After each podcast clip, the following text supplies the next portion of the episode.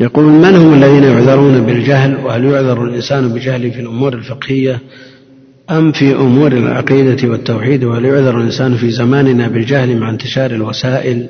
الجهل هو عدم العلم بالشيء.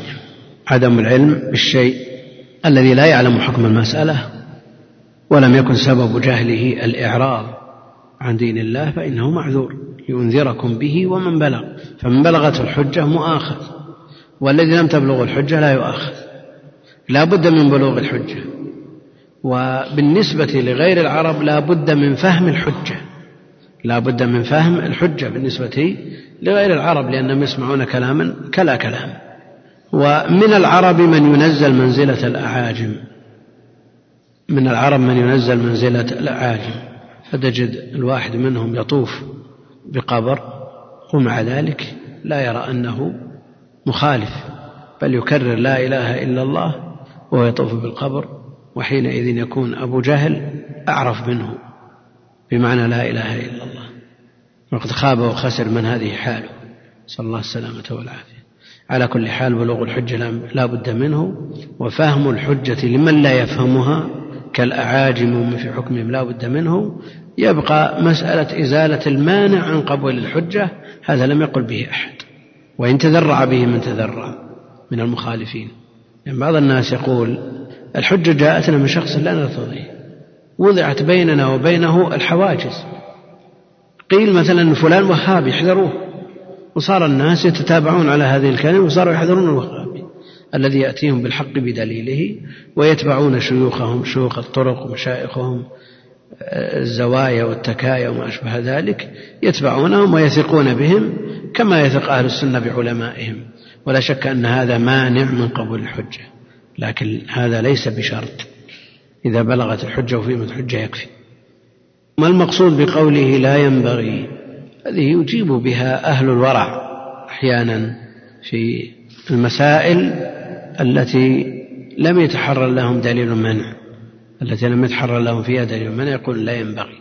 وقد يستعملها الإمام أحمد بإزاء المحرم.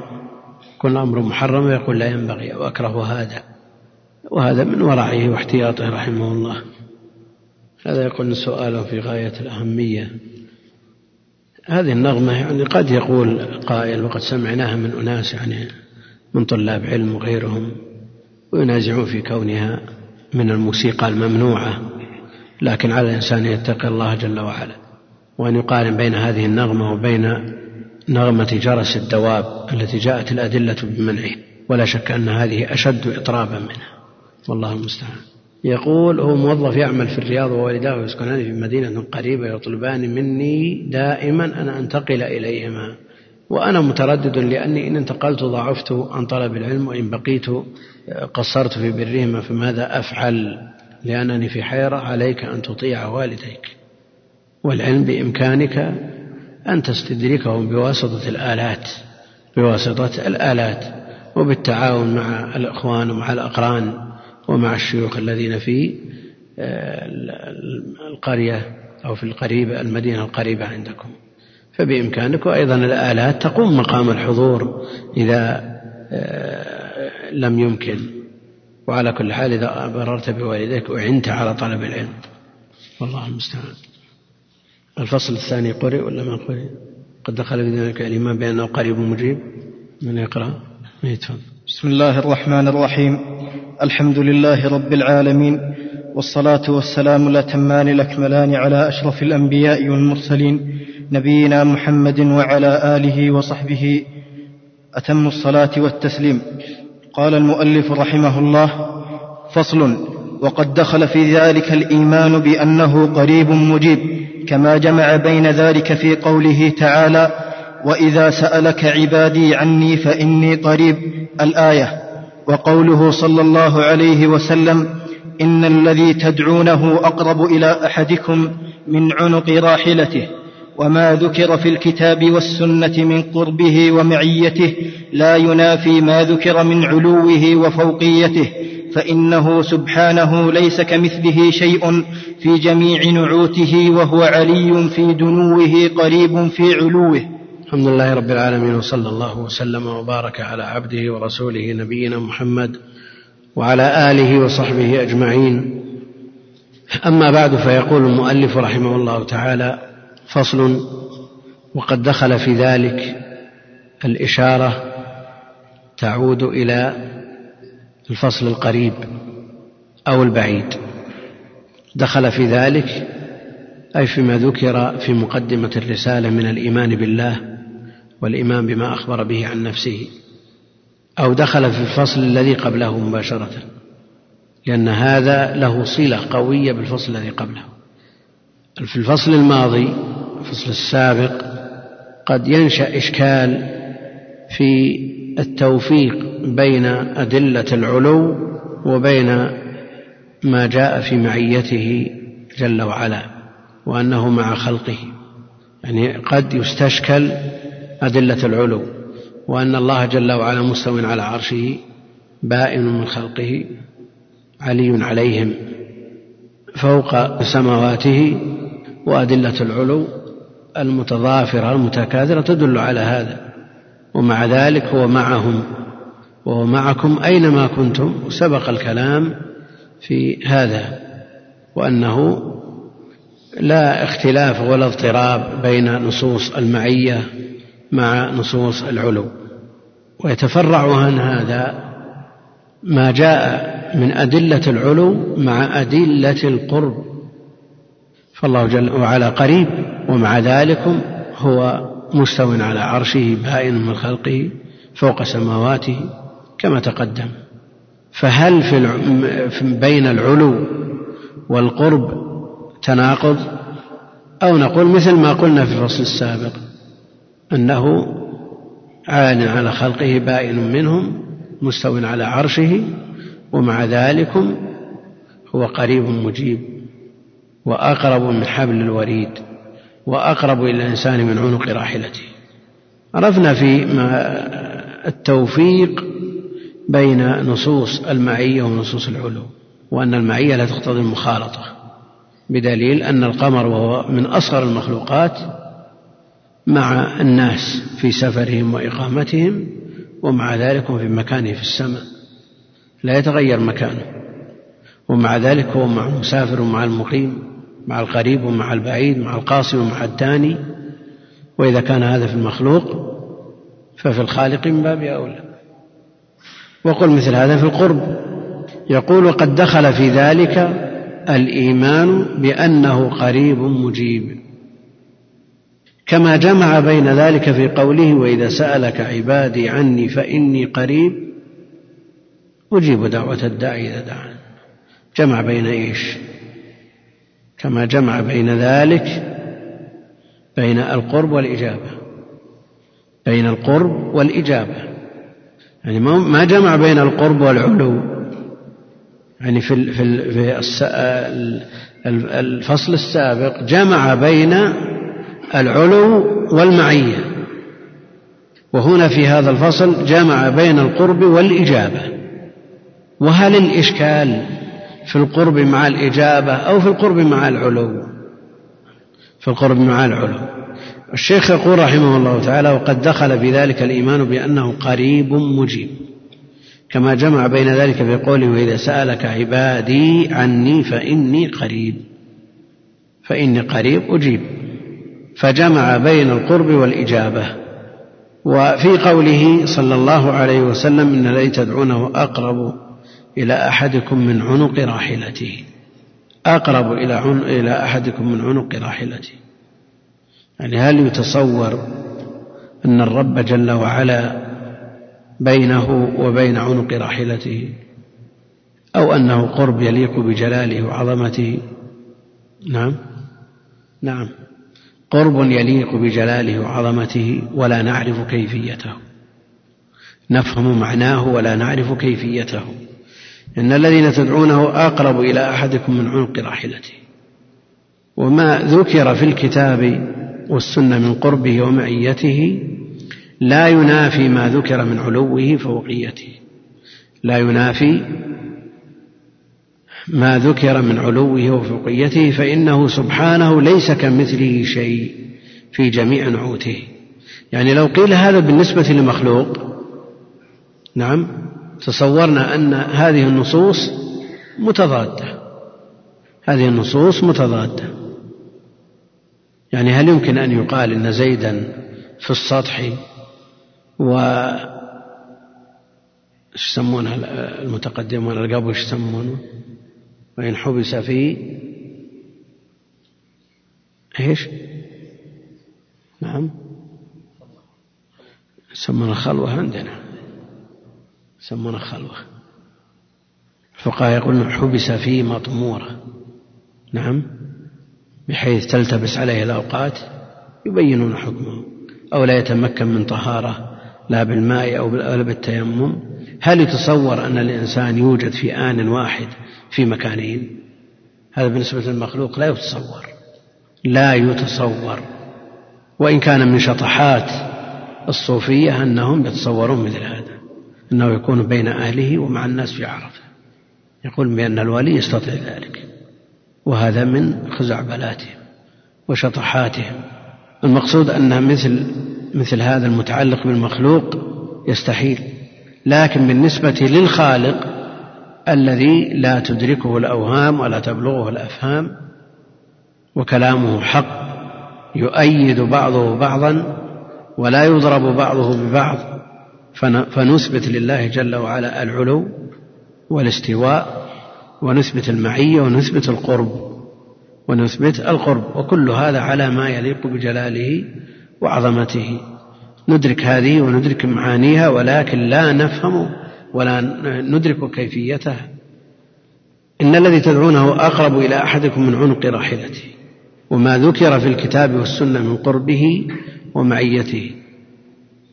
شيخ الإسلام رحمه الله في هذه الرسالة ما جاء بقوله جل وعلا ونحن أقرب إليه من حبل الوريد وما جاء في آخر سورة الواقعة في آخر الواقعة ونحن أقرب إليه منكم ولكن لا تبصرون ما جاء بهاتين الآيتين لماذا ما جاء بهما؟ نعم. نعم لأنه يرى أن القرب هنا في الآيتين للملائكة. القرب في هاتين الآيتين للملائكة. ولهذا شيخ الإسلام رحمه الله يرى أن المعية تنقسم إلى قسمين لكن لا يرى أن القرب ينقسم إلى قسمين. يرى أن المعية معية العلم الشامل للجميع. لا تخفى عليه خافية لكن المعية الخاصة للخواص. بينما القرب نعم من أهل العلم يقول مثل المعية. مثل المعية ينقسم إلى قسمين. وشيخ الإسلام رحمه الله يرى أن المعية القرب يرى أن القرب لا يكون إلا من قربه جل وعلا من الخواص. ولذلك لم يورد الآيتين لأنه قرب الملائكة ولكن لا تبصرون لأن القريب هذا يمكن أن يبصر. الملائكة يمكن أن يبصروا. وقد آه، رآهم بعض الصحابة رأى جبريل بعض الصحابة. فيمكن أن يبصر. ولذلك قال ولكن إيش؟ لا تبصرون. فدل على أن هذا يمكن أن يبصر وما يمكن أن يبصر. الله جل وعلا لا يمكن أن يرى في الدنيا. لا يمكن أن يرى في الدنيا. فهذا الذي يمكن أن يبصر دليل على أن المراد ونحن أقرب إليكم إليه منكم ولكن لا تبصرون المراد به الملائكة الذين أمروا بقبض روحه الذين أمروا بقبض روحه وكذلك في قوله جل وعلا ونحن أقرب إليه من حبل الوريد هذا قرب المراد به الملائكة. وإذا سألك عبادي عني فإني قريب. هل يتصور أن هذا في حق الملائكة؟ لا يتصور. فإني قريب أجيب. فهذا من يتعين أن يكون القريب هو الله جل وعلا. هو الله جل وعلا. إن الذي تدعونه أقرب إلى أحدكم من عنق راحلته. هذا قاله النبي عليه الصلاة والسلام لأصحابه لما رفعوا أصواتهم بالدعاء. أيها الناس اربعوا على أنفسكم ولا تتقدم فإنكم لا تدعون أصم ولا غائبا. فإن الذي تدعونه أقرب إلى أحدكم من عنق راحلته. وهل معنى هذا أن الله جل وعلا بين الإنسان بين الراكب وبين عنق راحلته؟ لا يتصور هذا. بل هو على عرشه بائن من خلقه وقربه يليق بجلاله وعظمته. وما ذكر في الكتاب والسنة من قربه ومعيته من قربه الذي ذكر في هذه في هذا الفصل ومعيته الذي ذكر في الفصل السابق لا ينافي ما ذكر من علوه فوقيته إذا كان النزول إذا كان النزول لا يقتضي مفارقة العرش فلأن لا تقتضي المعية والقرب من باب أولى من باب أولى. لا ينافي ما ذكر من علوه وفوقيته فإنه سبحانه ليس كمثله شيء. يعني إذا تصورنا أن المخلوق لا يمكن أن يحصل منه هذا فإن الله جل وعلا ليس كمثله شيء. لا يمكن أن يقاس بمخلوق أو ينظر بمخلوق. ليس كمثله شيء في جميع نعوته في جميع نعوته وهو علي في دنوه علي في دنوه يعني صفة العلو ثابتة له مع أنه قريب قريب في علوه قريب في علوه فلا تناقض بين هذا وهذا وكله قد جاء عن الله وعن رسوله بما صح عن النبي عليه الصلاة والسلام ولا يمكن أن ينقض كلام الله وكلام رسوله بعضه بعضا الفصل الذي يليه. نعم. إيه في هذه الآية التي ذكرها لا يدخل. في هذه الآية التي ذكرها لا يدخل. وفي الحديث الذي ذكره لا يدخل. لكن في الآيتين في آية نعم. قاف وآية نعم الواقعة. يدخل فيهما جميع الأصناف. يدخل فيهما جميع الأصناف ولذا يذهب جمع من أهل العلم إلى أن القرب خاص عام مثل المعية. ويجعل المتكلم في نحن هو الله جل وعلا. ويكون هناك قرب عام وقرب خاص كالمعية. وشيخ الإسلام يرى أنه قرب خاص فقط بخلاف المعية ولذا لا يدخل الآيتين في مثل هذا الفصل لأنهما ليس من آيات القرب الإلهي وإنما هو قرب ملائكة الذين كلفوا بقبض الروح. نعم القرب يكون معناه قريب من المعية الخاصة. قريب من المعية الخاصة. لا نقول مرادف لأن الترادف في مثل هذا مع تباين المعاني اختلاف المعاني ما يقال بالترادف. نعم. سم. نعم. نعم. يعني الضمائر. الضمائر هل يكون مساقها واحد أو بعضها لله وبعضها للملائكة؟ نعم. لا شك أن الأصل إذا لم يمنع منه مانع أن الضمائر المتناسقة مرجعها واحد. الضمائر المتناسقة مرجعها واحد. ولذا جمع من أهل التحقيق يرون أن الآيتين في قرب الله جل وعلا. والأصل أن الله جل وعلا إذا قال في كتابه نحن فإنه يريد نفسه جل وعلا. ولذا القول الثاني فيه قوة. نعم. إيه لكن الضمائر السابقة كلها لله جل وعلا. إيه معروف هذا كلام شيخ الإسلام هو الأصل يبقى أنه هو الأصل. لكن القول الثاني أيضا له حظ من النظر. له حظ من النظر. سم. قال رحمنا الله وإياه. ومن الإيمان بالله وكتبه الإيمان بأن القرآن كلام الله منزل غير مخلوق منه بدأ وإليه يعود وأن الله تكلم به حقيقة وأن هذا القرآن الذي أنزله على محمد صلى الله عليه وسلم هو كلام الله حقيقة لا كلام غيره. ولا يجوز إطلاق القول بأنه حكاية عن كلام الله أو عبارة بل إذا قرأه الناس أو كتبوه في المصاحف لم يخرج بذلك عن أن يكون كلام الله تعالى حقيقة. فإن الكلام إنما يضاف حقيقة إلى من قاله مبتدئا لا إلى من قاله مبلغا مؤديا وهو كلام الله حروفه ومعانيه ليس كلام الله الحروف دون المعاني ولا المعاني دون الحروف. يقول كيف يجمع بين قول إن الله بائن من خلقه وحديث موسى عليه السلام يا موسى لو وضعت السماوات السبع وعامرهن غيري اولا الجمع لا يكون بين النص وبين كلام أهل العلم ولو كان صحيحا. إنما الجمع والتوفيق إنما يكون بين النصوص.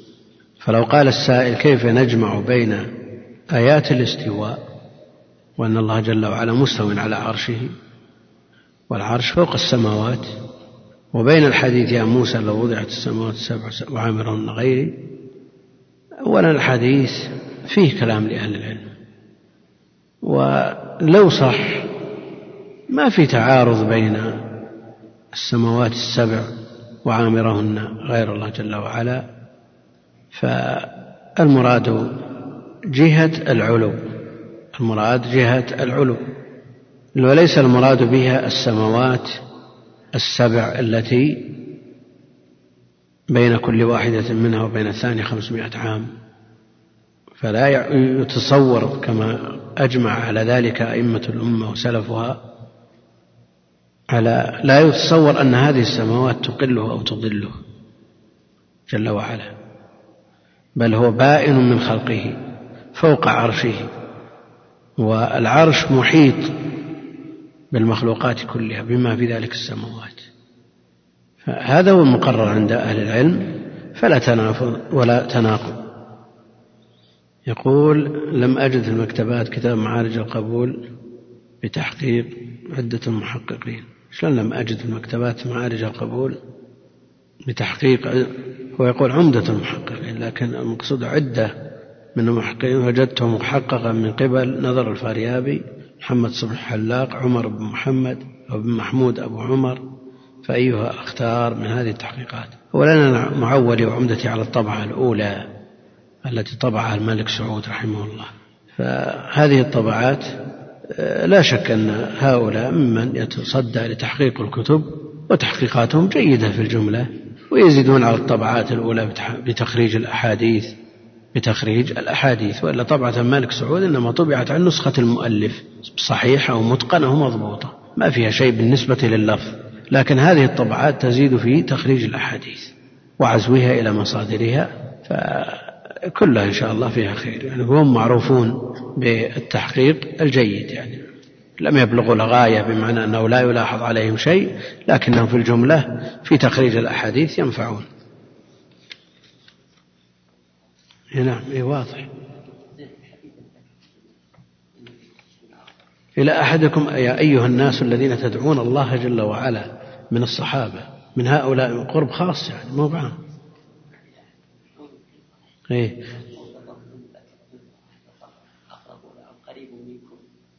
إيه هو أقرب إلى أحدكم؟ لا لأن هؤلاء الذين اختصوا بالقرب مسلمون صالحون مستحقون للقرب الخاص من الصحابة هؤلاء. لكن أقرب إليه من حبل الوريد يشمل المسلم والفاسق والكافر يشمل كل واحد يحتضر. من هذه الحيثية شيخ الإسلام ما يرى أن هناك قرب عام مثل المعية العامة. أسئلة خارجة عن الموضوع بعضها في الحديث وبعضها في الصلاة. هذا يقول ما صحة هذه العبارة؟ الضعيف الذي يروي من كتاب أخف تجريحا من الضعيف الذي لا يروي من الكتاب. لا شك أن الكتاب إذا كان متقنا مضبوطا مقابلا على أصوله ثم يروي منه الراوي يكون ضبطه حينئذ ضبط كتاب لا ضبط صدر. فالذي لا يضبط في الأصل ضبط صدر يمكن أن يضبط ضبط كتاب. وحينئذ يكون تحديثه من الكتاب أفضل من تحديثه من صدره. وإذا حدث من الكتاب لا شك أنه يضبط لأن المسألة مفترضة في من يحسن القراءة. وإذا كان لدى لدى القارئ هذا الذي يروي ويحدث نسخة متقنة مضبوطة محققة محررة وقرأ منها قراءة صحيحة ولو كان ضعيف الضبط ولو كان خفيف الضبط يعتمد عليه لأنه وإن فقد الضبط الأصلي إلا أنه عنده الضبط الفرعي الذي هو ضبط الكتاب. وإن كان بعضهم لا يرى التحديث من الكتاب لا يرى التحديث من الكتاب لأنه خلاف الأصل وأن الذي لا يحدث إلا من كتاب لا يوصف بالضبط لأن الأصل ضبط الصدر ما العلم إلا ما حواه الصدر. بل هو آيات بينات في صدور الذين أوتوا العلم.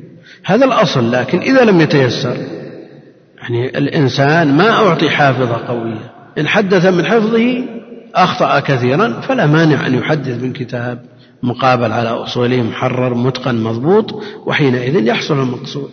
وكثير من أهل العلم وهم من الحفاظ الكبار ممن يحفظ الألوف المؤلفة من الأحاديث لا يحدث إلا من كتاب خشية أن يهم. وخشية أن يخطئ. والذي يروي من الكتاب أخف تجريحا من من الضعيف الذي لا يروي من الكتاب. لا شك أنه على حسب تجريحه يكون بقدر ما يخطئ فيه.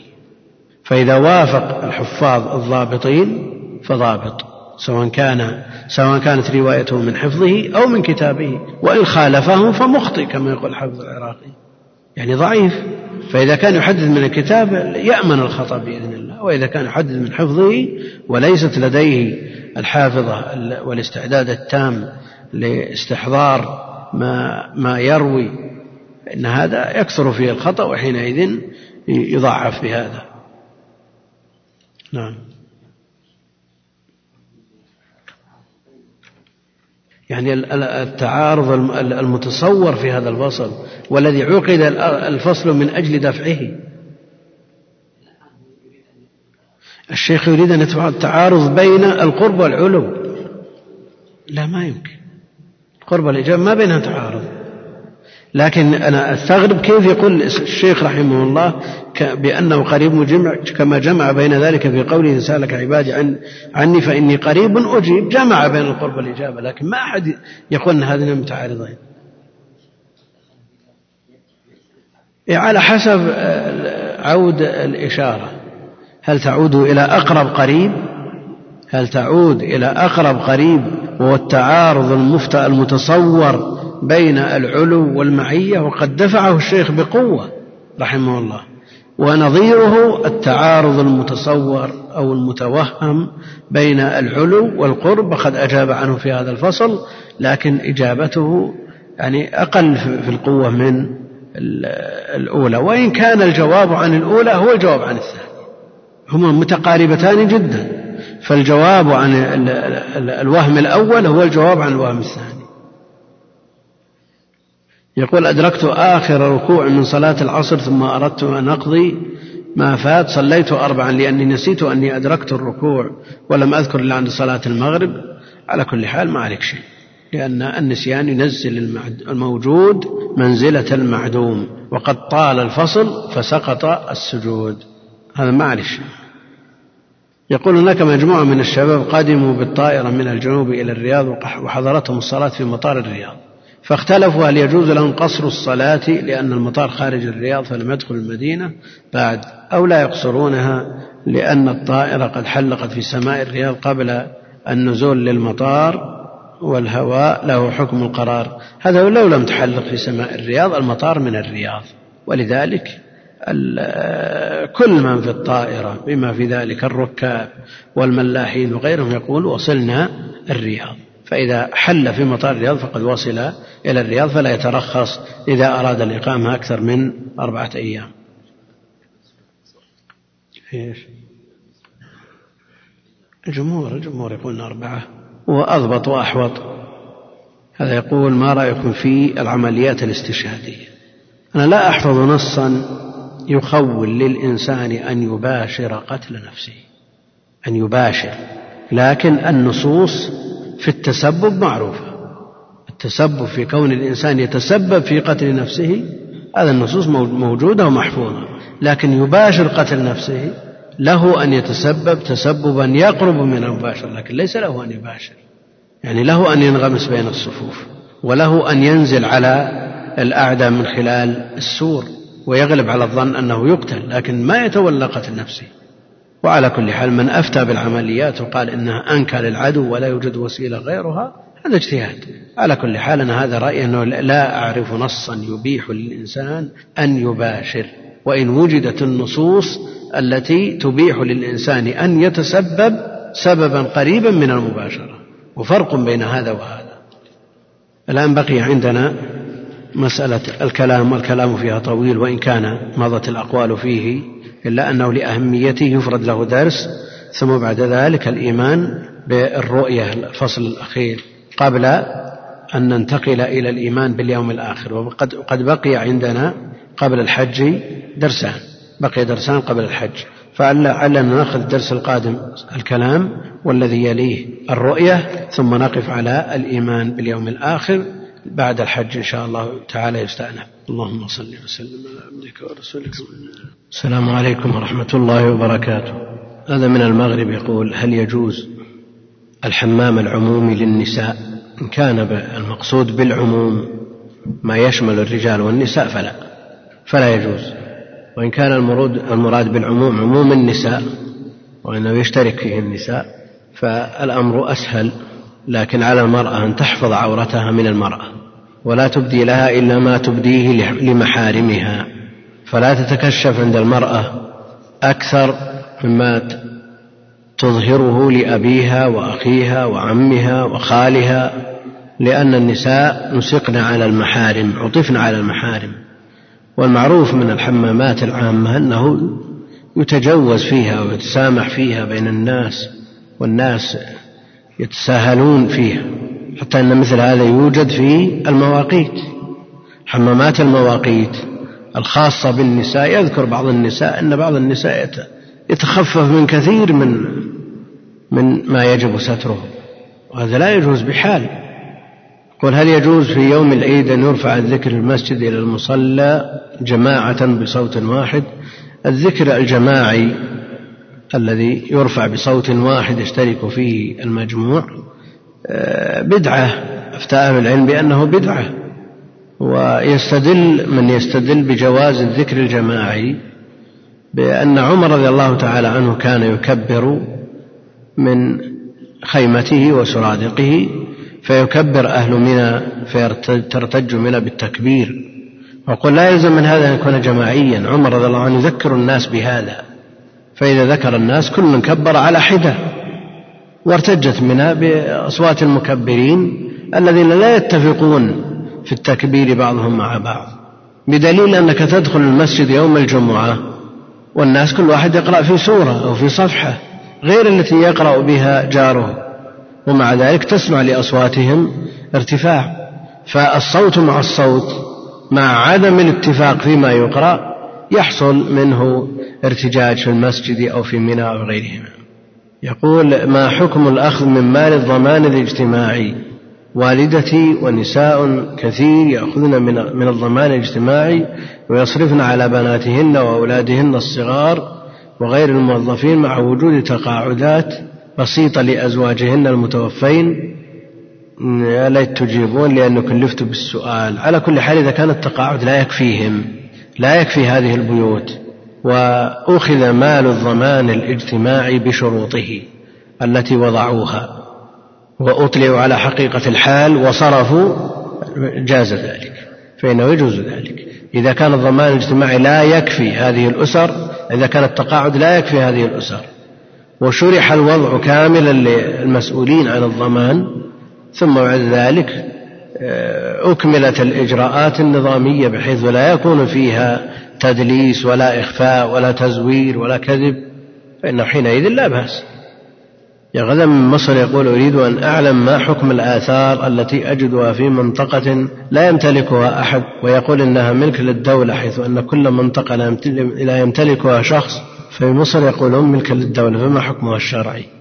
على كل حال من وجد في مكان لا يملكه أحد شيئا وكان وكان مما تلتفت إليه همة أوساط الناس يعرفه يعرفه سنة فإن جاء أحد يطلبه يؤديه إليه حكمه حكم اللقطة وهل يجوز التنقيب والبحث عن هذه الآثار في المناطق التي لا يمتلكها أحد علما بأن هذا المال يمكن أن أستفيد به بنصرة الدين حيث إنني سوف أتلقى تعليما أحسن وأريد أن أجاهد ولا ينقصني إلا المال. ما الحكم الشرعي بالبحث عن الآثار في المناطق التي لا يمتلكها شخص بعينه حيث أنني أبيع وأستفيد من ثمنها؟ وما حكم بيعها خارج البلاد؟ أرجو الرد بأقصى سرعة حتى أستفيد ولا أقع في الحرام والشبهات. طرق الكسب ولله الحمد متاحة للمسلمين الكسب المشروع ومتنوعة. ولا يعرف من سلف هذه الأمة من, من امتهن مثل هذه المهنة وهذا الكسب. فالاشتغال بمثل هذه الأمور التي قد يجد وقد لا يجد وقد يضيع وينفق أموالا طائلة وقد ينفق وقته و يتعب بسبب ذلك ولا يحصل شيئا. نعم. علما بأن هذه الآثار إذا كانت ليست بمال ليست بمال. فلا يجوز الاشتغال بها لا بيعا ولا شراء ولا تنقيبا ولا غيره. هذه ليست بمال يعني مما ينتفع به مما ينتفع به. وإن كان المراد بها يعني هذه الآثار آه، تماثيل وأصنام قديمة وما أشبه ذلك فالأمر أشد وأعظم نسأل الله العافية. فعلى الإنسان أن ينصرف عن هذه المهنة التي لم يسبق إليها من من يعتد به. وإلى إلى ما أباح الله له من طرق الكسب. هذه امرأة تقول إذا كنت من جدة وأردت الذهاب للحج بدون محرم بواسطة النقل الجماعي هل يجوز لي ذلك علما أنني أسمع بعض الفتاوى بجواز ذلك؟ لأن المسافة قصيرة ورفقة مأمونة. يعني الآن التقارب في العمران بين مكة وجدة كانت جدة مسافة قصر وقد نص عليها في البخاري. بين مكة وجدة ومكة والطائف ومكة وعسفان. هذه مسافة قصر. لكن باعتبار التقارب العمراني الذي حصل بينهما قصرت المسافة عن مسافة القصر وعلى كل حال المرأة الأولى أن تحتاط لنفسها تحتاط لنفسها وهذا الباب في غاية الأهمية في الدين لا تسافر بغير محرم ولو كانت المسافة قصيرة. ومع ذلك إذا كانت في رفقة مأمونة من نساء ومع أمن الفتنة والمسافة ليست مسافة قصر لا يقال بالمنع والتحريم لكن مع ذلك على المرأة أن تحتاط لنفسها. هذا من الإمارات. يقول ما الفرق بين المعية الخاصة والمعية العامة؟ المعية الخاصة معية النصر والحفظ والتأييد والمعية العامة معية العلم والإحاطة وما أشبه ذلك. هل إطلاق النعت في حق الله لفظ شرعي؟ وما الفرق بينه وبين الصفة عند العقائديين؟ العلم يطلقون الصفة توحيد الأسماء والصفات ولم يقولوا النعوت للفرق بين الصفة والنعت. الفرق بين الصفة والنعت وعلى كل حال الفرق دقيق قد لا يؤثر في مثل هذا. فالله جل وعلا يوصف بما ثبت عنه وعن رسوله عليه الصلاة والسلام كما أنه يصح أن يقال أنه ينعت بهذه الصفات. امرأة متزوجة تعمل في مجال النساء غير مختلط ونطاق عملها يتطلب منها الاتصال بإحدى المؤسسات الخيرية وبعض العلماء للاستفسار أو التنسيق. وقد منعها زوجها من التحدث للرجال ولكنها أحيانا تضطر إلى فعل ذلك فهل تعتبر عاصية لزوجها بفعلها هذا؟ نعم عاصية لزوجها ما دام الرجل منعها غيرة عليها من أن تحدث وتخاطب الرجال له منعها. وتقول من المعلوم أن النبي صلى الله عليه وسلم نهى عن ثمن الكلب فهل بيع الهر وشرائه من الأمور الجائز فعلها أو لا؟ جاء أيضا النهي عن ثمن السنور جاء النهي عنه وليس بمال حقيقة ليس بمال فبيعه لا يجوز بل هو سبع كما جاء وصفه. ما الفرق بين المعية والقرب؟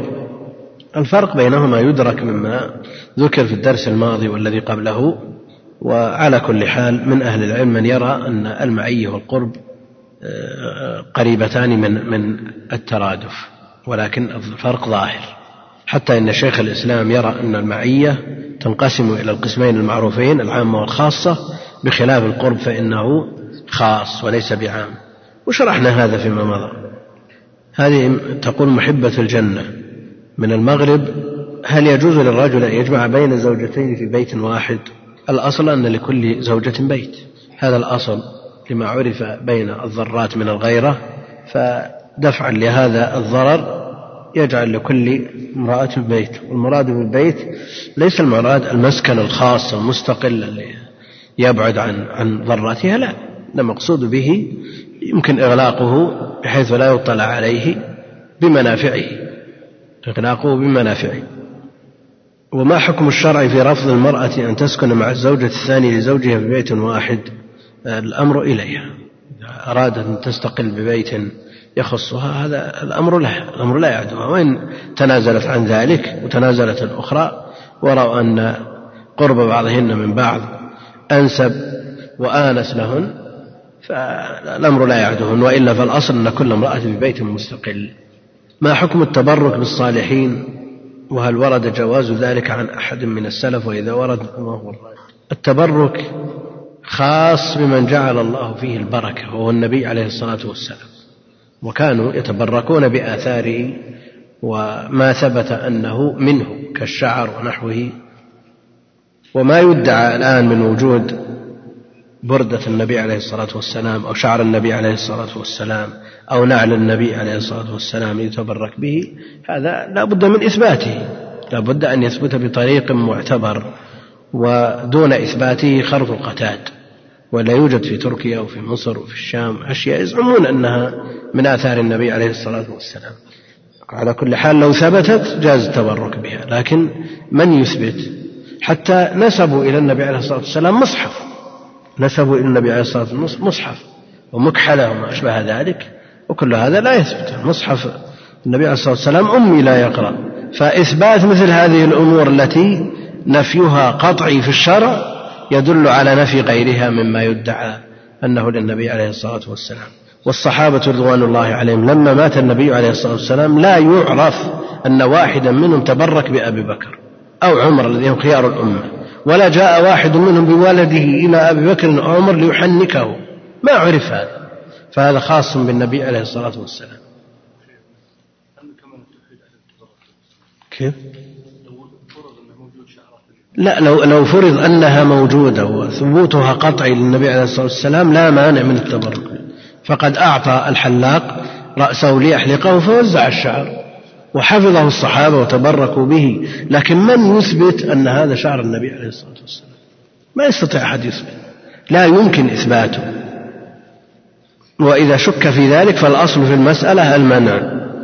ما حكم قراءة سورة الفاتحة بعد الصلاة حيث أن كثيرا من كبار السن يقرؤون الفاتحة بعد الصلاة ومنهم من ينكر عليك قراءة آية الكرسي بعد الصلاة ويقول الصحيح قراءة الفاتحة. الفاتحة ما, ما ثبتت قراءتها. وأما آية الكرسي فثبتت بعد كل فريضة. الحمد لله رب العالمين وصلى الله وسلم وبارك على عبده ورسوله نبينا محمد وعلى آله وصحبه أجمعين. أما بعد فيقول المؤلف رحمه الله تعالى فصل من الإيمان بالله وكتبه الإيمان بأن القرآن كلام الله منزل غير مخلوق. منه بدأ وإليه يعود. وهذا تقدم الكلام فيه بإثبات صفة الكلام لله جل وعلا من الكتاب والسنة. من الكتاب في أدلة القرآن ثم في الفصل الذي يليه من أدلة السنة. وأن مذهب أهل السنة وسلف الأمة إثبات صفة الكلام لله جل وعلا على ما يليق بجلاله وعظمته وأنه قديم النوع وأنه جل وعلا لم يزل متكلما. وإن كان حادث الآحاد متجدد تبعا لمشيئته جل وعلا. منه بدأ بدأ البدء معروف الذي يقابله النهاية.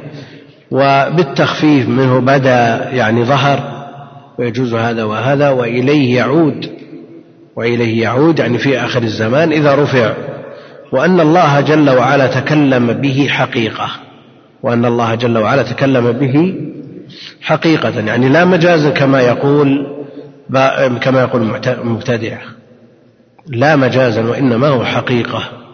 وأن هذا القرآن الذي أنزله الله على محمد صلى الله عليه وسلم وكلام الله حقيقة لا كلام غيره. لا كلام جبريل ولا كلام محمد ولا كلام الشجرة بالنسبة لتكليمه جل وعلا لموسى ولا كلام خلقه في غيره فتكلم به لا كلام غيره ولا يجوز إطلاق القول بأنه حكاية ولا يجوز إطلاق القول بأنه حكاية. وتقدم الكلام فيه والقول بأنه حكاية هو قول الكلابية والقول بأنه حكاية هو قول الكلابية وقول الكلابية.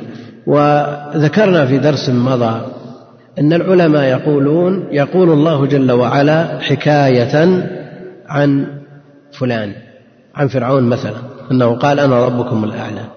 وفعل في هذا مخالفة وليس فيه مخالفة فيه مشابهة في اللفظ. في مشابهة لفظية وإذا دققنا وجدنا أن هذا الكلام لا إشكال فيه لا إشكال فيه. نعم. يصل إيش؟ لكننا لا لم نسمع فرعون يقول إنما سمعنا قول الله جل وعلا. معروف. تسمعوا إلى قول العبد الصالح؟ إلى قول العبد الصالح. لكن هل فرعون قال هذا بلفظه؟ قال أنا ربكم الأعلى باللفظ هو عربي هو. الله جل وعلا ينقل لنا كلام فرعون. نعم. ينقل لنا كلام فرعون. ولم نطلع عليه ولم نسمعه إلا بواسطة كلام الله جل وعلا. فالله جل وعلا هو المتكلم بهذا الكلام حقيقة عن فلان. فهو حكاية عن كلام فلان. لا إشكال إلا أن في هذه اللفظة مشابهة لقول الكلابية. إطلاق القول بأنه حكاية عن كلام الله أو عبارة. كما هو قول الأشعرية. قل عبارة. والقرآن حكاية عند الكلابية وعبارة عند الأشعرية. لماذا؟ لأنهم لا يقرون بأن الكلام الإلهي حرف وصوت يسمع وإنما هو الكلام النفسي عندهم. وأما هذا فهو حكاية عن كلام الله أو عبارة. حتى قالوا إنه لا يختلف. تكلم في الأزل بكلام نفسي ولا يتجدد فكلامه قديم فكلامه قديم. ويقتصرون على قدم النوع وأنه لا يتكلم متى شاء إذا شاء. تكلم دفعة واحدة هي التي أنزلت في الكتب. فإن عبر عنها بالعبرانية صار توراة. وإن عبر عنها بالسريانية صار إنجيل. وإن عبر عنه بالعربية صار قرآنا. وعرفنا أن هذا الكلام ليس بصحيح. بل الواقع يرده مقتضاه أن الله جل وعلا أنزل على اليهود على موسى وعلى عيسى نظير القرآن من الفاتحة إلى الناس إلا أنه بلغاتهم. فعندهم سورة الإخلاص وعندهم آية الكرسي وعندهم أواخر سورة البقرة إلا أنها بلغاتهم وهل هذا كلام صحيح. يعني لو جئنا بشخص يتقن الترجمة إلى السريانية أو العبرانية فترجم مصحفين مر واحد إلى العبرانية وواحد إلى السريانية وطبقناه على التوراة والإنجيل يحصل ولا ما يحصل؟ ما يمكن. أبدا. لا يمكن. وهذا القول يرده الواقع. وقصة بدء الوحي ترده أيضا. لما أنزل على النبي عليه الصلاة والسلام نزل جبريل بسورة اقرأ من عند الله جل وعلا وذهب بها محمد عليه الصلاة والسلام يرجف بها فؤاده في رواية بوادره فعرضها على خديجة في القصة المعروفة في أول الصحيح. ثم إن خديجة آه، كلمت ورقة بن نوفل يقرأ الكتب السابقة ويترجمها يقرأ التوراة والإنجيل وترجم إلى اللغة العربية ترجمها. فلما سمع من النبي عليه الصلاة والسلام قال اسمع من ابن أخيك لما سمع سورة اقرأ قال هذا قال هل قال هذا الكلام؟ هذا موجود عندي الآن في التوراة والإنجيل لما نترجمهما إلى العربية هذه السورة موجودة عندي؟ قال هذا الناموس يعني يعني جبريل عليه السلام هذا الناموس الذي نزل على موسى. بل إذا قرأه الناس أو كتبوه في المصاحف لم يخرج بذلك عن يكون كلام الله حقيقة. لن يخرج لم يخرج بذلك عن أن يكون كلام الله تعالى حقيقة. يعني تقرأ في المصحف كلام الله. وتقرأ عن ظهر قلب حفظ فهو كلام الله. المسموع كلام الله. المقروء كلام الله. المكتوب كلام الله. المقصود أن هذه كلها كلام الله جل وعلا ولا يتغير. فإن الكلام إنما يضاف حقيقة إلى من قاله مبتدئا. إلى من قاله مبتدئا. لا من لا إلى من قاله مبلغا مؤديا. يعني لما تسمع حديث وتحفظه وتلقيه على الناس هل أنت الذي قلت هذا الحديث؟ أو آية مثلا أو بيت شعر أو بيت شعر. يعني لما تقرأ كلام آه، شعر ابن هانئ مثلا وفيه من الكفر ما فيه حينما يخاطب آه، الخليفة ويقول تعالى الله عما يقول علوا كبيرا ما شئت لا ما شاءت الأقدار فاحكم فأنت الواحد القهار. فكأنما أنت النبي محمد وكأنما أنصارك الأنصار. يعني هل هذا ينسب إليك ولا ينسب إلى من قاله؟ ينسب إلى من قاله بلا شك ولا كل من قرأه كفر أو من قاله كفر لأن هذا الكلام كفر. فهذا الكلام إنما ينسب إلى من قاله والآثر والحاكي ليس هو المتكلم. ليس هو المتكلم. فلما تقول مثلا في قصة ماعز تروي الحديث وقال ماعز إني زنيت. جاء ماعز إلى النبي عليه الصلاة والسلام قال إني زنيت. وتحكي هذه القصة هل أنت زنيت؟ لا. لكن من باب الأدب في هذه المواطن التي إظهارها نسبتها إلى النفس فيها ما فيها. الأدب أن لا تحكى بلفظها أن لا تحكى بلفظها بل مقرونة بمن قالها. مع صرف الضمير من المتكلم إلى الغائب.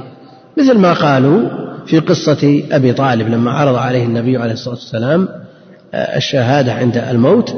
آخر ما قال هو على ملة عبد المطلب.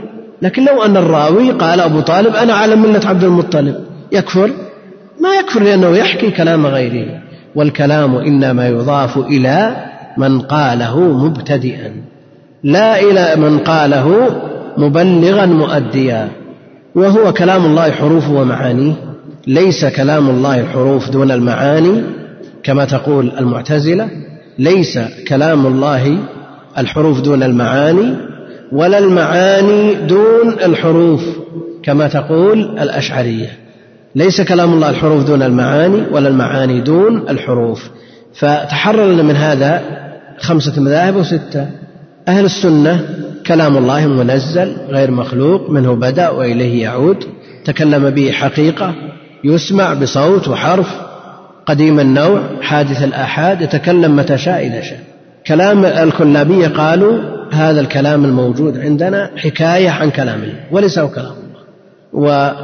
والأشعري يقولون عبارة المعتزلة يقولون الكلام الحروف دون المعاني. والأشاعرة أيضا من كلام من قولهم أنه المعاني دون الحروف.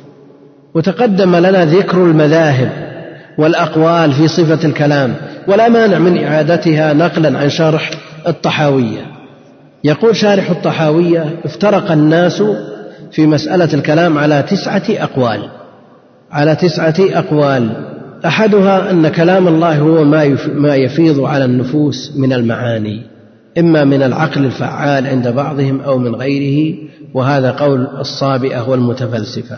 وثانيها أنه أنه مخلوق خلقه الله منفصلا عنه وهذا قول المعتزلة. وثالثها أنه معنى واحد قائم بذات الله هو الأمر والنهي والخبر والاستخبار. عبر عنه بالعربية كان قرانا وإن عبر عنه بالعبرانية كان توراة وإن وهذا قول ابن كلاب ومن وافقه كالأشعري وغيره ويقولون العبارة القرآن عبارة عن المعنى إلى آخر كلامهم الذي سبق ذكره.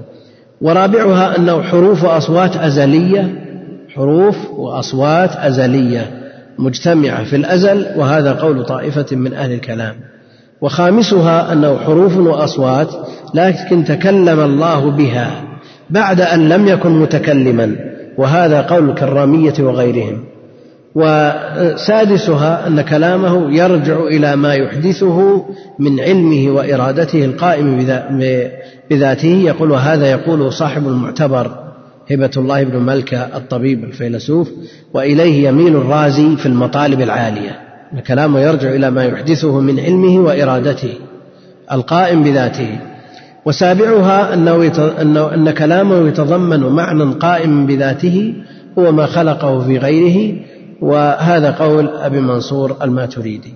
وثامنها أنه مشترك بين المعنى القديم القائم بالذات وبين ما يخلقه في غيره من الأصوات. مشترك بين المعنى القديم بالذات القائم بالذات وبين ما يخلقه في غيره من الأصوات وهذا قول أبي المعالي ومن تبعه.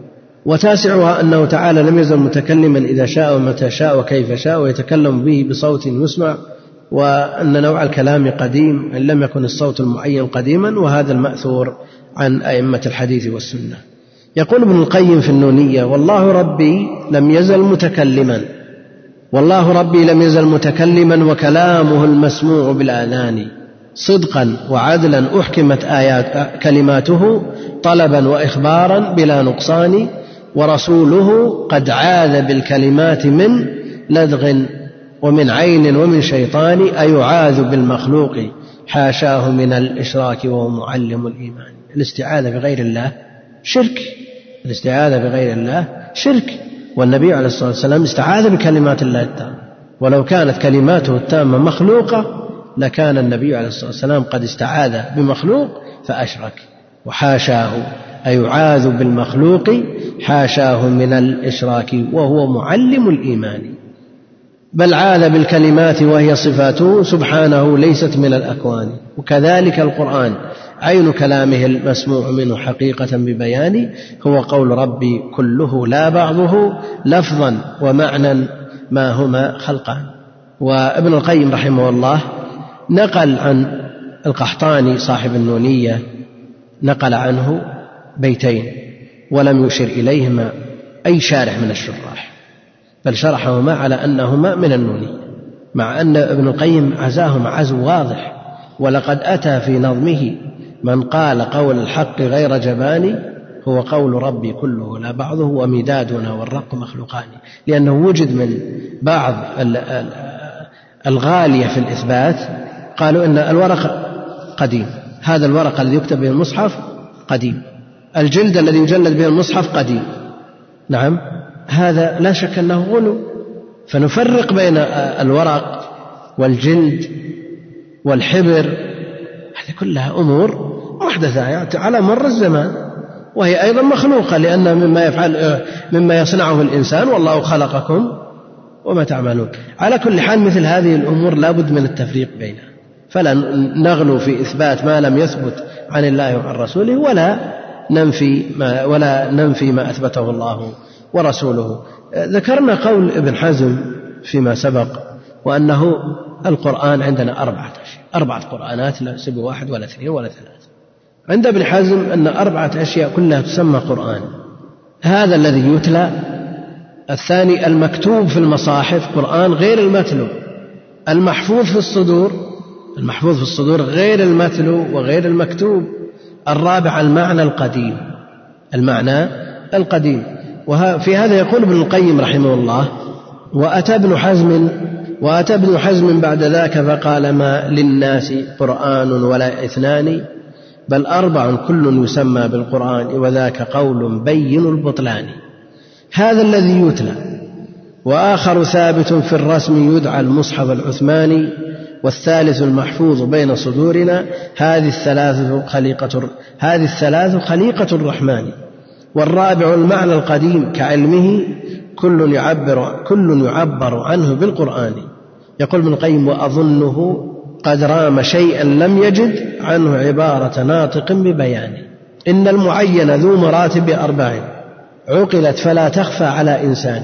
يعني الأمور المعينة الموجودة لها مراتب أربعة وجود في الأذهان ووجود في الأعيان. الوجود في الأذهان هو المحفوظ. والموجود في الأعيان يتنوع. إن وجد في الأعيان صوت صار شيء. إن وجد في الأعيان مكتوب صار شيء. هو كأنه رام هذا ولم ولم يستطع التعبير عنه. لكن الموجود في الأذهان هو غير الموجود في الأعيان. يعني المحفوظ في الذهن في القلب هو غير المسموع في الآذان إذا تلي.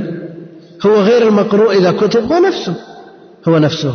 فأهل العلم حينما يقولون مثل هذا الكتاب مثلا يعني شرحنا هذا في, أول درس. أما بعد فهذا أما بعد فهذا الإشارة في الأصل أن تكون إلى موجود في الأعيان. محسوس يعني يشار إليه. لكن العلماء حينما يكتبون المقدمة بعد الفراغ من الكتاب يشيرون إلى موجود في الأعيان لكن بعضهم يكتب المقدمة قبل الكتاب ويقول أما هذا فهو يشير إلى ما في الأذهان. وهل الذي في الذهن غير الموجود في الأعيان؟ يعني هل يختلف ما في الذهن عما وجد في الأعيان؟ قد يقول قائل وقد يختلف.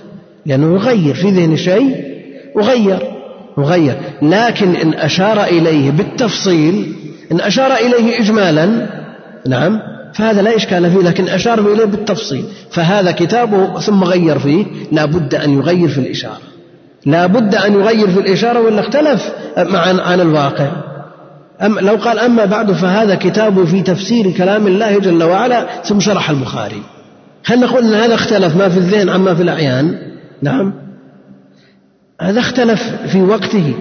في وقته لما قال هذا كتابه في تفسير كلام الله جل وعلا إما أن يكون كاذبا أو يكون صادقا. فإن كان كاذبا فلا عبرة بكلامه. وإن كان صادقا فلا بد أن يغير هذا الكلام. نعم. ليطابق الواقع. وعلى كل حال مع مخالفة الواقع لا يمكن أن يوصل بالصدق. لأنه كان صادقا في الحقيقة وغير فلا بد أن يغير المقدمة. فالموجود في الأذهان في الأعيان صورة عما في الأذهان. وعلى كل حال سواء قلنا الآن لما نقرأ كلام ابن القيم وأتى ابن حزم بعد ذاك فقال ما للناس قرآن ولا إثنان بل أربع كل يسمى بالقرآن وذاك قول بين البطلان. هل نقول هذا غير ما نطق به ابن القيم في نونيته وأملاه على الناس أو كتبه هو بيده؟ هو هو. وغير ما يحفظه أهل العلم في حوافظهم من هذه النونية هذا غيره؟ يعني لما تقول أنت وأتى ابن حزم بعد ذاك فقال ما الناس قرآن ولا إثنان تقول أني قلت هذا؟ ابن القيم الذي قال أو تقول أن ابن القيم خلقه في ما يمكن أن يقال هذا. ما يمشي هذا الكلام ولا على المجانين. لكنهم قعدوا قاعدة بنوها على المبالغة في التنزيه فقالوا تنفع عنه الصفات. لأنه إذا أثبتنا له الصفات أشبه المحدثات. هم مشوا على هذه القاعدة فخالفوا المعقول والمنقول بسببها ووقعوا في حيرة لا نهاية لها. وكثير منهم رجع عند وفاته. وبعضهم صرح بأنهم على غير هدى. كيف يقول ابن حزم عندنا أربعة قرآنات؟ هل يمكن أن يمشي هذا على على أغبى العوام؟ فضلا عن أذكاهم فضلا عن طلاب العلم أو العلماء يعني الأخوان ترى ابن حزم غاية في الذكاء. يعني عنده ذكاء خارق. لكن ال ال هذه العقول وإن بلغت ما بلغت من الذكاء ولكنه تخلف الذكاء لا تستفيد. فقد يكون الذكاء وبال على صاحبه. لأنه يسرح به كل مسرح منكبا عن نصوص الوحيين ثم يضيع ويتيه يتيه يعني لو كان الإنسان يعتمد على على كونه خريت في الطرق ثم بعد ذلك يترك الجواد ويضرب يمينا وشمالا من غير ما طرق الناس. وهذا في المحسوسات. لا شك أنه يضيع. وشخص من أعرف الناس بالطرق من أعرف الناس بالطرق ثم بعد ذلك مشى من الرياض إلى بلد ما وفي قضية في المحكمة يوم الأربعاء قال ندرك الدوام فلما رأى أنه إذا سلك الطريق المعبد الذي يسلكه الناس يطول عليه الوقت فأراد الاختصار. تاه وظل الطريق ما وصل المحكمة إلا يوم السبت. ومع ذلك لو انتظر ومشى مع الناس وزاد في الطريق لمدة ساعة أو نصف ساعة عما توقعه وصل في الوقت. فهذا هذه العادة في من يترك الوحيين ويعتمد على عقله وذكائه ويعتمد على كلام من يتهمهم بالذكاء والعبقرية لا طريق غير طريق الرسول عليه الصلاة والسلام. غير الصراط المستقيم لا تدور لا بد أن تضيع وهؤلاء عباقرة كيف ضاعوا؟ كيف ظلوا وأتوا كلام يضحك الصبيان. لماذا؟ لأنهم تركوا الصراط المستقيم وعدلوا إلى غيره فضلوا وأضلوا. لا ابن حزم يعني لو تقرأ بعض كلامه تقول سبحان من ألهمه حينما يرد على بعض العلماء في مسائل الفروع. تعجب تعجب كيف خلص من هذه المسألة؟ ثم يأتي يقول عندنا أربعة قرآنات في قول لم يسبق إليه ولا عقل ولا نقل يسنده. يقول الشارح بعد أن ترجم لابن حزم يقول هو الإمام أبو محمد علي بن أحمد بن سعيد بن حزم الأندلسي الظاهري المشهور عالم الأندلس إلى آخره وأطال في آه، ترجمته ثم ذكر قوله. يقول حيث ذكره الناظم فلا بد من بيان معناه فقوله بل أربع كل يسمى بالقرآن هذا الذي يتلى والثاني المكتوب في المصاحف والثالث المحفوظ في الصدور والرابع والمراد بالرسم الخط وقوله هذه الثلاث خليقة الرحمن وهذا القول من أبطل الأقوال التي قيلت في القرآن. من أبطل الأقوال التي قيلت في القرآن. يقول الشارح وقوله في القرآن مهجور لا نعلم قائلا به وهو من جملة مجازفته وتهوره رحمه الله. ولكن الناظم لما ذكر جميع ما قاله الناس في القرآن العظيم ذكر هذا القول لأنه من جملة الأقوال التي قيلت.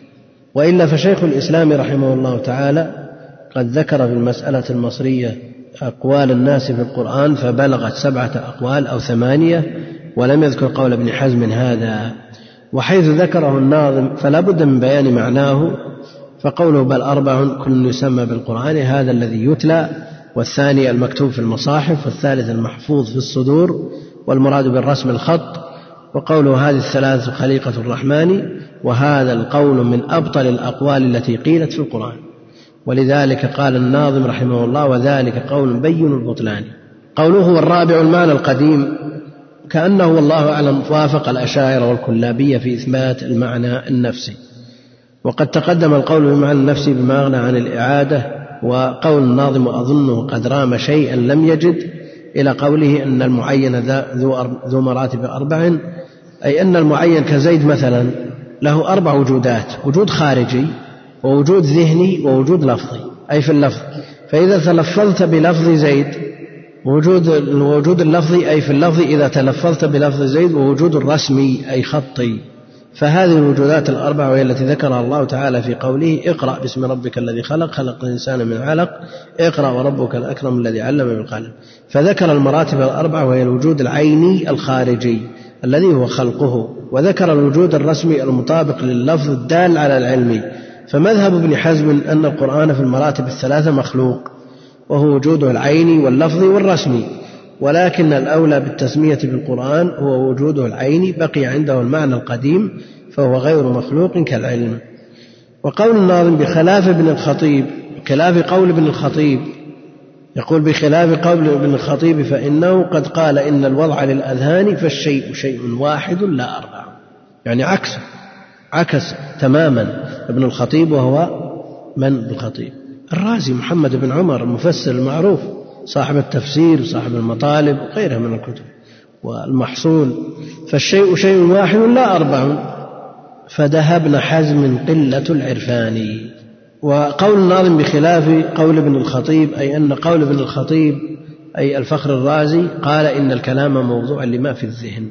وهو المعنى النفسي على ما هو معروف مذهب الأشاعرة وإنه معنى واحد والله أعلم. ثم قال الناظم رحمه الله تعالى والله أخبر أنه سبحانه متكلم بالوحي والفرقان وكذاك أخبرنا بأن كلامه بصدور أهل العلم والإيمان بل هو آيات بينات في صدور الذين أوتوا العلم. وكذاك أخبر أنه المكتوب في صحف مطهرة من الرحمن. وكذاك أخبر أنه المتلو والمقروء عند تلاوة الإنسان والكل شيء واحد لا أنه هو أربع وثلاثة واثنان وتلاوة القرآن أفعال لنا وكذا الكتابة فهي خط بنان لكنما المتلو والمكتوب والمحفوظ هو قول الواحد المنان والعبد يقرأه بصوت طيب وبضده فهما له صوتان فهما له يعني العبد صوتان صوت طيب وصوت غير طيب. وكذاك يكتبه بخط جيد وبضده فهما له خطان يعني العبد أصواتنا ومدادنا وأداتنا والرق في ثم كتابة القرآن ولقد أتى في نظمه من قال قول الحق وهو غير جبان. هذا يعني القحطاني في نونيته. إن الذي هو في المصاحف مثبت بأنامل الأشياخ والشبان وقول ربي آيه وحروفه مدادنا والرق مخلوقان. بخلاف من غلا في الإثبات وقال كل ما يتصف بالقرآن قرآن. معه قديم منذ وجد. يعني لو تذهب بنسختك بنسختك مصحفك وتجلدها اليوم عند المجلد ويخرج غدا أو بعد غد من المجلد الجلد هذا موجود مع وجود الكلام. هذا يمشي على أحد. قل مثل هذا هل يمشي على أحد؟ يعني الحديد الذي وضع على المقام مقام إبراهيم. يعني غير مرارا أخذ الجديد هذا. يأتي من يتمسح به. يقول يا حديد هذا حديد خرج من المصنع قريبا. لا ينفع ولا يضر. لا قيمة له هذا يجيء به من مصنع. لكن المبتدع الذي أشرب قلبه حب البدعة ماذا يقول؟ قد سمعته بأذني وأنا قلت له الكلام. قال هذا عندكم ما ينفع لكن عندنا ينفع. صلى الله السلامة والعافية. فاعتقد النفع والضر من غير الله جل وعلا. نسأل الله السلامة والعافية. فالعقول إذا أخذها باريها كما قال عمر رضي الله عنه لما قال أين عقول لما كنا نعبد التمر فإذا جعنا أكلناها قال أخذها باريها يعني العقل لا يستقل لا يمكن أن يستقل بإدراك الحق. لا بد له من قائد يقوده هو الشرع وإلا كان ما كان هناك فائدة من إرسال الرسل وإنزال الكتب. فمثل هذا نسأل الله السلامة والعافية. إذا غطيت العقول بغشاوة آه، البدعة يندر أن تصل إلى الحق إلا بتوبة نصوح. يقول فشفى وفرق بين متلو ومصنوع وذاك حقيقة العرفان الكل مخلوق وليس كلامه المتلو مخلوقا. هما شيئان. بقي مسألة اللفظ بالقرآن المسألة العظمى التي تكلم فيها السلف. ورموا من قال بأن لفظي بالقرآن مخلوق بالبدعة. أن من قال القرآن مخلوق كافر. ومن قال لفظي بالقرآن مخلوق لا شك أنه مبتدع عندهم لأن هذا كلام لم يقله النبي عليه الصلاة والسلام ولا قاله سلف الأمة. وهو في الحقيقة يحتاج إلى تفصيل يحتاج إلى تفصيل. يقول الكل مخلوق وليس كلامه المتلو مخلوقا وما شيئان فعليك بالتفصيل والتمييز فالإطلاق والإجمال دون بيان قد أفسدا هذا الوجود وخبط الأذهان والآراء كل زمان وتلاوة القرآن في تعريفها باللام قد يعنى بها شيئان. التلاوة. التلاوة يعنى بها شيئان. يعنى بها المتلو المقروء فهو كلامه. هذا كلام الله جل وعلا. إذا قلنا التلاوة المراد بها المتلو. يعنى بها المتلو فهو كلامه هو غير مخلوق كذي الأكوان ويراد بها ويراد أفعال العباد كصوتهم وأدائهم وكلاهما خلقان. هذا الذي نصت عليه أئمة الإسلام أهل العلم والعرفان وهو الذي قصد البخاري الرضا. لكن تقاصر قاصر الأذهان عن فهمه كتقاصر الأفهام عن قول الإمام الأعظم الشيباني في اللفظ لما أنف الضدين عنه واهتدى للنفي ذو عرفان. الإمام أحمد رحمه الله يقول ما نقول القرآن لفظي بالقرآن مخلوق ولا غير مخلوق؟ ما نقول هذا. هل معنى هذا أنه توقف في أفعال العباد أنها مخلوقة لله جل وعلا؟ لا. إنما هو حسم للمادة وسد للباب. واحتياط لاعتقاد الاعتقاد الصحيح. احتياط للاعتقاد الصحيح. لأنك إذا قلت لفظي بالقرآن مخلوق واللفظ محتمل. قد يسمعها شخص فيلقيه على إطلاقها. لكن البخاري صرح بأن لفظي بالقرآن مخلوق باعتبار أنه كلامي. والإمام أحمد سد الباب رحمه الله باعتبار أنه يحتمل. يحتمل أنه اللفظ لفظ الذي هو صوت القارئ ويحتمل أنه الملفوظ المقروء المتلو وهو كلام الله جل وعلا. وما دام الاحتمال قائما يسد الباب. كغيرها من الألفاظ المجملة التي تحتاج إلى بيان. والتلفظ ما يحتمل الملفوظ. نعم. فاللفظ يصلح مصدرا هو فعلنا كتلفظ بتلاوة القرآن وكذاك يصلح نفس ملفوظ به وهو القرآن فذاك محتملان فلذاك أنكر أحمد الإطلاق في نفي وإثبات بلا فرقان. مسألة اللفظ التي امتحن من أجلها الإمام البخاري لما دخل نيسابور واستقبلها استقبله أهلها بقضهم وقضيضهم وغار منه بعض أهل الحديث الذين كانت لهم حظوة عند قومهم لا شك أن مثل هذا يثير يثير الغيرة. في نفوس بعض الناس وهو في نفوس الأتباع أشد. يعني قد تجد الإمام الكبير يأتي عالم ويجتمع الناس حوله ويترك هذا العالم برهة حتى ينصرف هذا الطارئ ولا يؤثر في نفسه بقدر ما يؤثر في نفوس الأتباع. وجل هذه الأمور والتحرشات والمشاكل التي حصلت إنما هي من الأتباع. يعني في قصة الإفك على سبيل المثال زينب بنت جاحش. هل دخلت في الإفك؟ وهي التي تسامع عائشة ما دخلت إنما دخلت أختها حمنا انتصارا لها فالإشكال أكثر مما يأتي من الأتباع. وتجد الخلاف في القديم والحديث الرؤوس الكبار هذا ما بينهم إشكال. لا سيما في المسائل التي لا يضلل القائل بها. ما بينهم مشكلة لكن هؤلاء الأتباع يغارون على شيخهم ويرون أنه غمر. ويخشى أن أن يسحب البساط من تحته كما يقولون ثم يغارون عليه ويأخذون في الكلام آه، الذي آه، يثير ما في كوامن النفوس. فلذلك آه، الذهلي هو إمام إمام النيسابور إمام عالم جليل من كبار المحدثين إمام من أئمة المسلمين. لما البخاري قال لفظي بالقرآن مخلوق والإمام الزهري رحمه الله يحتاط لهذه المسألة مثل ما يحتاط الإمام أحمد فصار بينهما من العداوة ما صار والأتباع أيضا استغلوا مثل هذه هذا الخلاف وهذه وهذا الظرف الذي سحب الأنظار عن شيخهم فحصل ما حصل. وامتحن البخاري وطرد من من نيسابور. على كل حال مثل هذه الأمور تحصل قديما وحديثا لكن الراسخ يرجع إلى ما في الكتاب والسنة. ويجعل قائده وسائقه النص. ولا ينظر إلى الأتباع لأن الأتباع يأتون وما زالوا يأتون إلى الشيوخ قال فلان فعل فلان ترك فلان ويغرونهم ويؤثرون عليهم ويبقى الكبار كالجبال الرواسي. وإن حصل ما حصل من الأتباع. فلذاك أنكر أحمد الإطلاق في نفي وإثبات بلا فرقان. على كل حال الكلام في هذه المسألة طويل جدا ولعلنا أتينا على أطرافه. والله أعلم وصلى الله وسلم وبارك على عبده ورسوله نبينا محمد وعلى آله وصحبه أجمعين. السلام عليكم ورحمة الله وبركاته.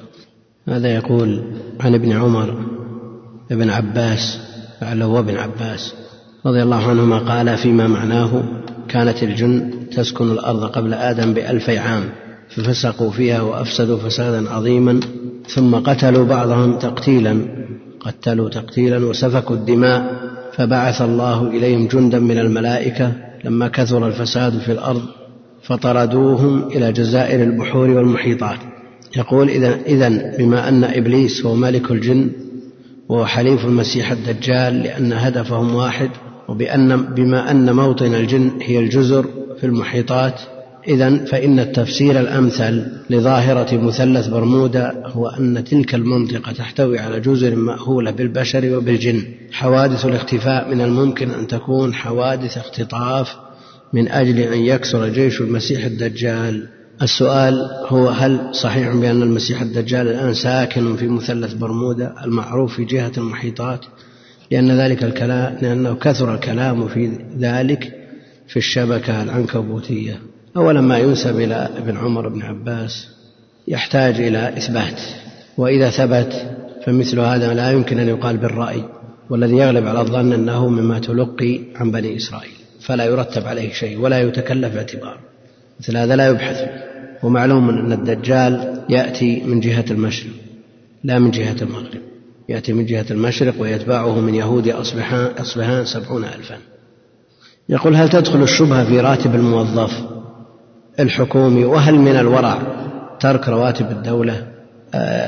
الموظف الذي يؤدي ما استؤجر من أجله ودفع له الراتب من, من بسببه يؤديه أداء تاما؟ لا هذا لا شبهة فيه. هذا لا شبهة فيه لأن لأنه أجرته.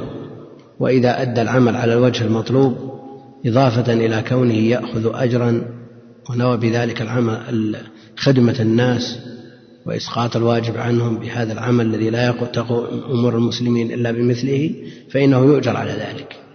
وليس من الورع ترك رواتب الدولة لأن بيت مال المسلمين لا شبهة فيما يأتي منه بغير استشراف حتى ولو كان في غير مقابل عمل. ما يأتي من قبل السلطان من بيت المال إذا لم يكن بسبب استشراف من الإنسان لا شبهة فيه كما جاء في الحديث الصحيح امرأة قريبة لي أصيبت بالوسواس القهري حتى بدأت تسب الذات الإلهية ثم تعود وتتوب وتستغفر ما حكم عملها وما الواجب تجاهها إذا كان ينتابها في بعض. في في مثل هذه الحالة التي تتصرف فيها مثل هذه التصرفات ينتابها غياب العقل بالكلية بحيث لا تعي ما تقول فإنها مرفوع عنها القلم ولا شيء عليها ثم إذا ارتفع عنها, عنها هذا الأمر تابت وأنابت ما عليها شيء اللهم إلا إذا كانت تعي ما تقول أثناء هذه التصرفات.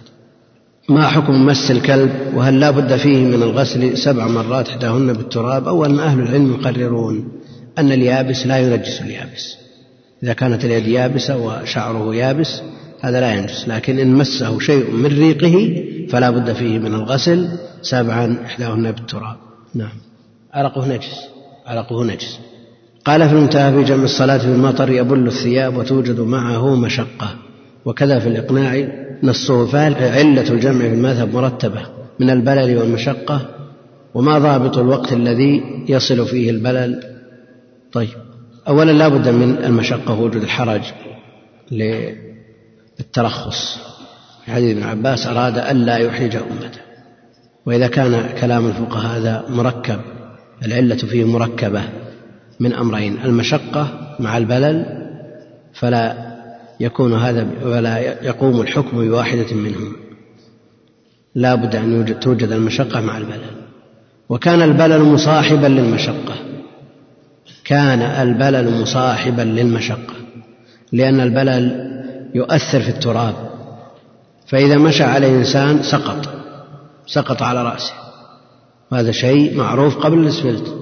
أما الآن مع وجود الأسفلت ومع وجود الأرصفة فلا توجد هذه المشقة. فإذا وجد المشقة بغير البلل بأكثر منها وأكثر من البلل بأن وجد المطر الشديد مع البرد الشديد نعم يسوغ الجمع. وإلا مجرد البلل فلا لا مشقة فيه بل هو الآن متعة للناس. إذا وجد مع البلل برد شديد نعم هذه مشقة. لكن إذا لم يوجد البرد الشديد مع ذلك البلل فإنه لا يكفي ولا يسوغ الجمع. يقول رأيكم في الإحرام الجديد الذي به تكة. هذا نوع من السراويل كما قرر ذلك الأزهري في تهذيب اللغة. هو نوع من السراويل. نوع من السراويل فيكون محظورا بالنص. نعم. نعم إذا كان العلة نجاسة الكلب الخاصة به هذا الحكم واحد. ومن قال إن السبع خاصة بلعابه لأن فيه جرثومة لا يذهبها إلا هذا العدد مع التراب. قال إن نجاسته بوله وعرقه وما أشبه ذلك كله كسائر النجاسات. أيهما أولى إدراك تكبيرة الإحرام مع الإمام أم إتمام النافلة؟ العلم يقولون إذا شرع في النافلة وقيمة الصلاة فإن كان قد صلى والصلاة لا تتم إلا بركعة تامة بسجدتيها فإن كان قد صلى ركعة كاملة فإنه يتمها خفيفة لأن الله جل وعلا يقول ولا تبطلوا أعمالكم. لا تبطلوا أعمالكم. وإن كان آه، لم يصلي ركعة تامة فإنه يقطعها. إذا أقيمت الصلاة فلا صلاة إلا المكتوبة. ما تبطل إذا كان صلى. لا تبطلوا أعمالكم. عشان ما نضرب النصوص بعضها. لأنه الآن ما في صلاة أصلا ما دام ما أتم ركعة. لا صلاة إلا المكتوبة ما في صلاة ما تم ركعة. والصلاة إنما تطلق على الركعة. إيه جاء ما يدل على أنه يسلم. جاء ما يدل على أنه يسلم ولو اكتفى بنية الخروج منها كفى على إيش؟ إيه لكن بلا صلاة. ما في صلاة أصلا إذا ما تم ركعة. فإذا تم ركعة تمت صلاة. فلا بد من إكمالها. لكن يبطله لأي شيء. يبطله لإدراك تكبيرة الحرم وتدرك بيدرك الصلاة. يقول هل يجوز إطالة الشعر حتى يتدلى إلى الكتفين وهل في ذلك تطبيق للسنة؟ إذا لم يبق من السنن إلا هذه فهو سنة. أما إذا وجدت المخالفات وأراد أن يتذرع بالسنة والله أعلم بمن يقلد وبمن يتشبه فلا.